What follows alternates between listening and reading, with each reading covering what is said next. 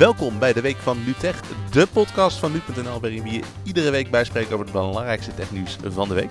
Ik ben Bastiaan Vroegop. En ik ben Rutger Otto en deze week hebben we het over de komst van Google Assistant naar Nederland. En over het rare geval met de Facebook VPN. Dit is de Week van NuTech.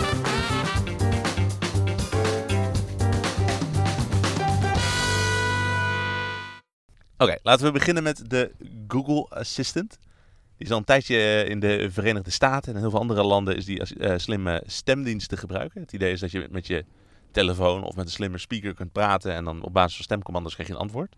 Apple heeft ook zoiets met Siri, terwijl Amazon zijn uh, Alexa-assistent heeft in de Echo. Zijn nu eindelijk op het punt gekomen. een maand eerder hadden we al via een Philips-woordvoerder die zijn mond voorbij gepraat had, gehoord dat de assistent waarschijnlijk in 2018 naar Nederland komt. En nu heeft Google het ook bevestigd. Dus ja, waarschijnlijk tweede helft van dit jaar gaat de Google Assistant in Nederland spreken. Ja, de, een exacte datum is er uh, nog niet, dus het is nog even afwachten.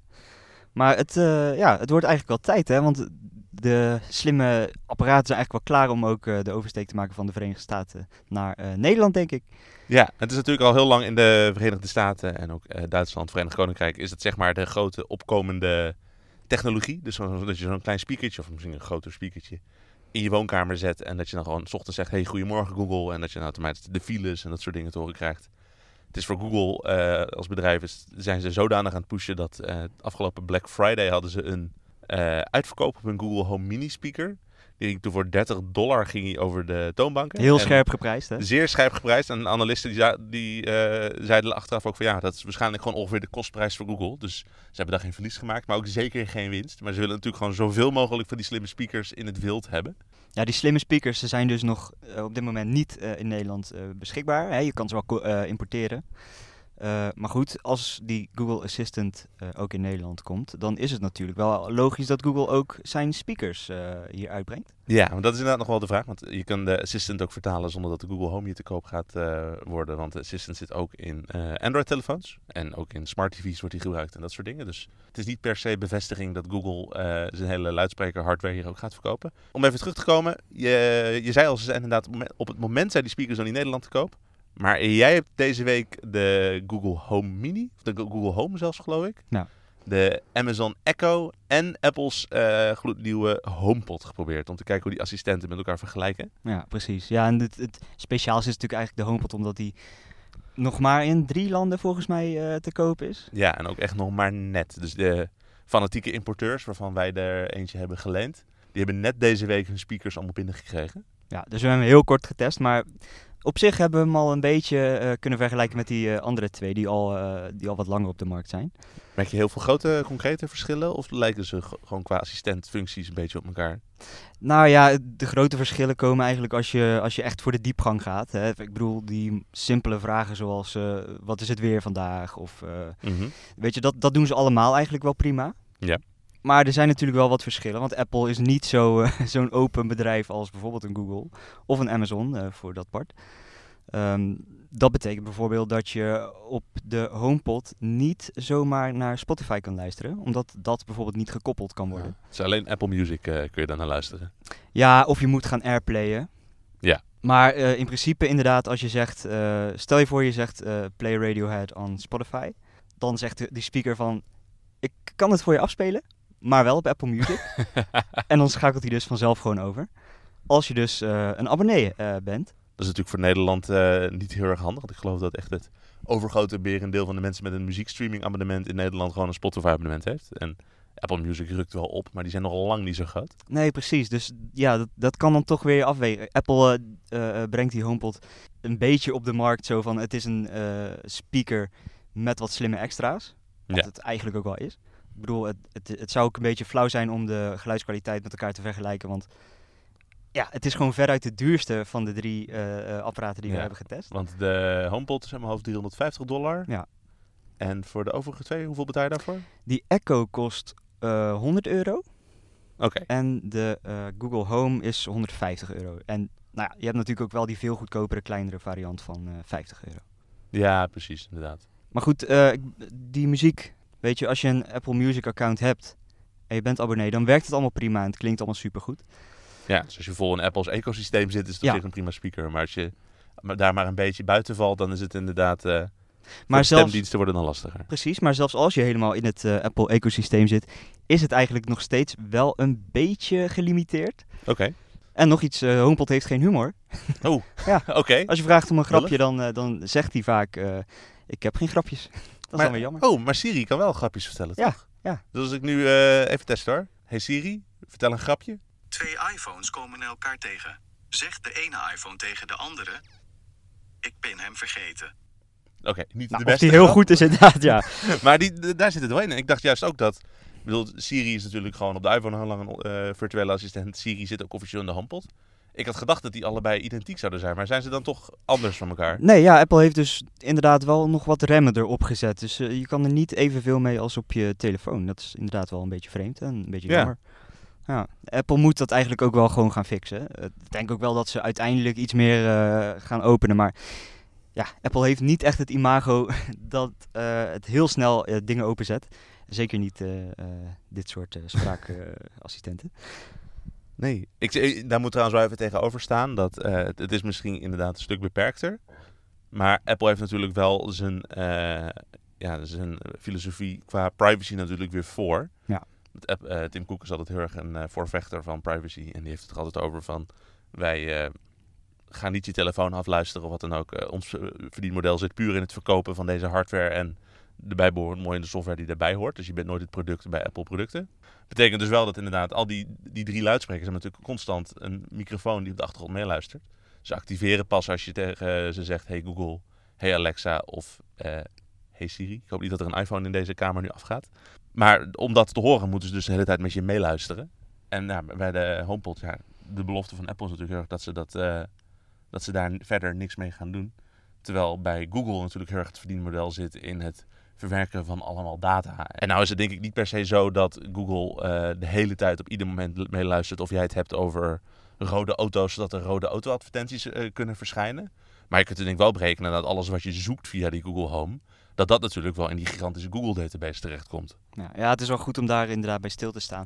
En als je op een gegeven moment gaat kiezen voor zo'n speaker, ja, dan kun je daar misschien ook nog wel inderdaad, eh, dat kan ook nog wel van invloed zijn op de keuze die je uiteindelijk maakt. Het is wel zo dat eh, de HomePod echt goed luistert ook. Eh, en dat doen ze eigenlijk allemaal hoor. Ze verstaan je eigenlijk heel goed. Ja. Ook al is het nu nog in het Engels, als je een beetje een accent hebt. Ze verstaan het eigenlijk prima. Ja. Ze antwoorden echt super snel, dat viel me ook echt op. Het, eh, nauwelijks bedenktijd, het gaat gewoon in één keer door. Dus uiteindelijk, eh, ja, ik zou zeggen, het, het, het is leuk. Maar ik zou inderdaad nog wel even wachten tot eh Nederlandse taal echt wordt ondersteund. Want Ja. ik bedoel, als je echt een beetje diepgang wil, dan... eh, Het is nu nog een beetje een nerdspeeltje, heb ik het idee. Ja. Niet? ja, precies. Nou houden wij daarvan, maar inderdaad, eh, nou, misschien een luisteraar ook wel, maar onze Ja, je moet die zitten moet- daar misschien niet op te wachten. nee, en je, je moet moet, natuurlijk ook Engels praten. En, ja, je telefoon moet helemaal op Engels. Het is, het is nog niet super gebruiksvriendelijk. Je kan er dingen mee nu. Ja. Maar we zijn er nog niet. Oké. Even eh, om af te ronden, even heel eh, bazaal wat we dus nu kunnen verwachten in het komende jaar van al die assistenten. Want ze zijn dus alle drie nu nog niet helemaal Nederland te koop. Er is wel een Amazon Echo die in zeer beperkte vorm eh, wel in Nederland wordt aangeboden. Maar daar werkt Spotify geloof ik dan ook weer niet op. En dat schijnt, ja, die kun je wel bestellen, maar je kan er niet zo heel, veel, heel erg veel mee. Wanneer de HomePod naar Nederland komt, dat heeft Apple nog tot nu toe niet gezegd.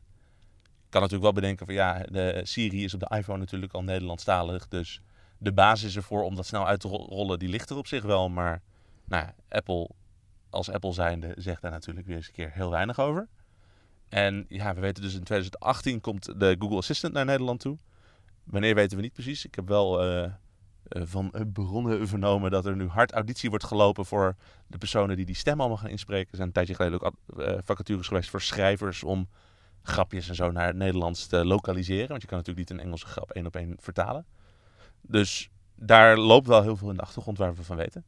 Dus eh, nou, ik denk in de tweede helft van dit jaar gaan we denk ik wel op zijn minst er meer van weten. En misschien dat er zelfs dan wel eh, twee speakers op de Nederlandse markt bij zijn. Ja, zou Mijn mooi gevoel. zijn. Zou mooi zijn. We wachten het af.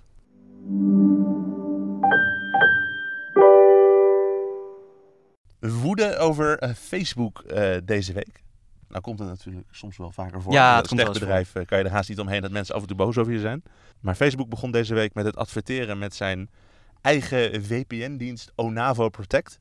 Die hebben ze natuurlijk al eh, veel langer. Ze hebben het bedrijf erachter een tijdje geleden gekocht. Maar Nu stond er in de Facebook-app dat als je je data goed wilde beschermen, dan moest je eventjes Onavo installeren en al je data daar via langs uh, brengen. Niet helemaal uh, wat er in de werkelijkheid gebeurt. Want als je naar de algemene voorwaarden van Onavo kijkt, dan worden ja, al jouw browsergegevens worden eigenlijk geanalyseerd, worden doorgestuurd naar Facebook. Facebook kan dat weer aan adverteerders laten zien. Dus dan kunnen ze op basis van al jouw internetverkeer, ongeacht de app of welke website je bezoekt, kunnen ze gaan analyseren. Ja, ze zien best wel veel. Hè? Ook een naam, je nummer als je je hebt ingevuld, je locatie. Dus het is een beetje een rare zet eigenlijk van Facebook om een VPN aan te bieden. Want dat, ja, eigenlijk druist het een beetje in tegen wat een VPN moet zijn, toch? Ja, het is een beetje, uh, ja, je zou het schimmig kunnen noemen. Het rare is ook dat ze hebben dus Onavo in 2013 gekocht. En ik weet nog dat in, voor 2013 heb ik een aantal keer over geschreven. En het was eigenlijk ook helemaal niet een VPN met het uh, oogpunt op privacy of zoiets. Ze waren echt ontwikkeld als een databespaar-app. Dus het idee was, dan installeerde je een VPN-profiel en dan ging al je data via hun. En dan konden zij heel goed zien hoeveel data je nou op je smartphone nou echt per maand gebruikte. En ze hadden ook een versie die heet Onavo Extend uit mijn hoofd, geloof ik. En dan werd alle data die je dan via die VPN stuurde, werd dan vooraf op een of andere manier gecomprimeerd, zodat je minder uh, informatie op je telefoon per maand gebruikte. Dat was in die tijd met de kleinere databundles toen natuurlijk nog een... Ja, voor veel mensen was dat wel vrij belangrijk om eventjes uh, daarop te kunnen inperken. Maar het is dus nooit zeg maar, een dienst geweest met de belofte van we gaan ervoor zorgen dat al je gegevens privé zijn. En dat heeft Facebook er dus nu bewust van gemaakt om er dan weer mee te gaan adverteren. Ja, ja, eigenlijk uh, laten we even, want een VPN die gebruik je dus eigenlijk, uh, die, die stuurt dus jouw internetverkeer via een andere weg. Zodat anderen niet mee kunnen kijken in principe. Dat uh, wil je, vooral op openbare netwerken, als je een keer in een koffietentje zit of in ja. de trein. Of, dat, dat niet iemand heel makkelijk kan inbreken. Want het zorgt er inderdaad ook voor dat je data automatisch wordt versleuteld als je op dat netwerk zit. Zodat iemand, als iemand inderdaad op dat openbare netwerk zit sniffen om te kijken van hey, komt hier nog meer data voorbij dan kunnen ze niet jouw gegevens inkijken. Precies. Um, en ja, nou goed, als Facebook, zeg maar, die adverteert daar nu dus iets meer mee op de nieuwsfeed. En die doen dat op zo'n manier dat het een beetje kort door de bocht vertelt wat het doet, maar houdt daarbij een beetje achterwege wat daar de gevolgen van zijn. Het is natuurlijk ook een beetje een rare houding voor Facebook om nu net te hebben. Want we zijn natuurlijk dit jaar, een nieuw jaar begonnen met uh, de CEO van Facebook, Mark Zuckerberg, die beloofde van... Nou, vorig jaar zijn we, hebben we het niet altijd even goed gedaan en we gaan nu ervoor zorgen dat Facebook alleen nog maar dingen laat zien die je leven verrijken. Dat het allemaal relevant voor je wordt. En dat we niet meer uh, een beetje die internetdruk zijn. Ik denk dat dat ook wel voor hun belangrijk is. Omdat nou, Facebook wordt natuurlijk soms een beetje nieuwe roken genoemd. Van, oh, zit je nou alweer erop? En mensen die dan trots zeggen van, ah, ik heb mijn Facebook-app verwijderd omdat ik, en ik voel me zoveel beter. Een beetje dat verslavende, dat zat eromheen. Dus ze moeten nu echt hun meerwaarde gaan bewijzen. En dan denk je juist van, dan probeer je dus een beetje een goede reputatie neer te zetten. En als je dan uitgerekend in zo'n valkuil valt uh, met die VPN, dat, daar zullen ze niet blij mee zijn, denk ik. Nee, precies. Uh, aan de andere kant kun je zeggen, ja, het is een gratis dienst. Hè, en net zoals best wel veel andere ook uh, gratis VPN's. Klopt. Wordt gewoon je data inderdaad in zo'n geval vaak doorverkocht aan andere partijen. Bijvoorbeeld aan websites die je bezoekt. en ja, goed, in dit geval gaat het dan allemaal naar Facebook en zijn adverteerders die zij hebben. Maar eh, dat is natuurlijk wel een beetje het verschil tussen uh, gratis VPN's zoals dit en uh, betaalde alternatieven. Nee, precies. Dat is natuurlijk altijd al bij online diensten vaker het geval, ook zoals bij Facebook. Dat als je inderdaad niet betaalt, dan ben je vaak zelf het product, omdat er richting je geadverteerd en zo wordt. Ja. En bij VPN moet je er natuurlijk heel goed rekening mee houden dat het niet alleen maar je verkeer is op een website van een dienst, maar het is natuurlijk al je internetverkeer gaat langs zo'n VPN. Dus daar kun je op zich wel extra voorzichtig mee zijn. Ja, precies. Dus ik denk dat het advies is dat als je inderdaad een VPN wil gebruiken om je data te beschermen, niet iedere betaalde VPN zou goed zijn, maar als je uh, geld moet neerleggen voor een VPN, is de kans wel groter dat hun verdienmodel niet is om jouw data te verkopen. De Consumentenbond is uh, boos. Ja, zij raden inderdaad af om Onavo nog uh, te installeren. Ja, want eigenlijk hebben zij gezegd dat Facebook niet duidelijk genoeg is in zijn communicatie naar de gebruikers toe. Mm -hmm het, het zit hem, volgens mij zit het probleem hem voor hun niet per se in dat het een gratis VPN is, maar dat ze niet duidelijk genoeg op de nieuwsfeed laten zien dat al je data naar Facebook gaat. Ja, ze, het, vinden, het, uh, ze vinden het misleidend, zoals ja, het inderdaad Het staat inderdaad wel ergens op Facebook, maar je moet dan wel heel diep graven volgens mij voordat je erbij komt. Ja. Uh, dat vindt de Consumentenbond dus niet zo leuk en zij zeggen, uh, doe het gewoon niet. blijf bij die VPN vandaan.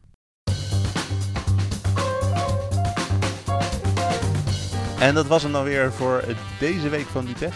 Volgende week zijn we er natuurlijk weer. En tot die tijd kun je ons bereiken op Twitter, op Facebook of natuurlijk gewoon op tech.nu.nl of in de nu.nl app. Tot volgende week. Doei!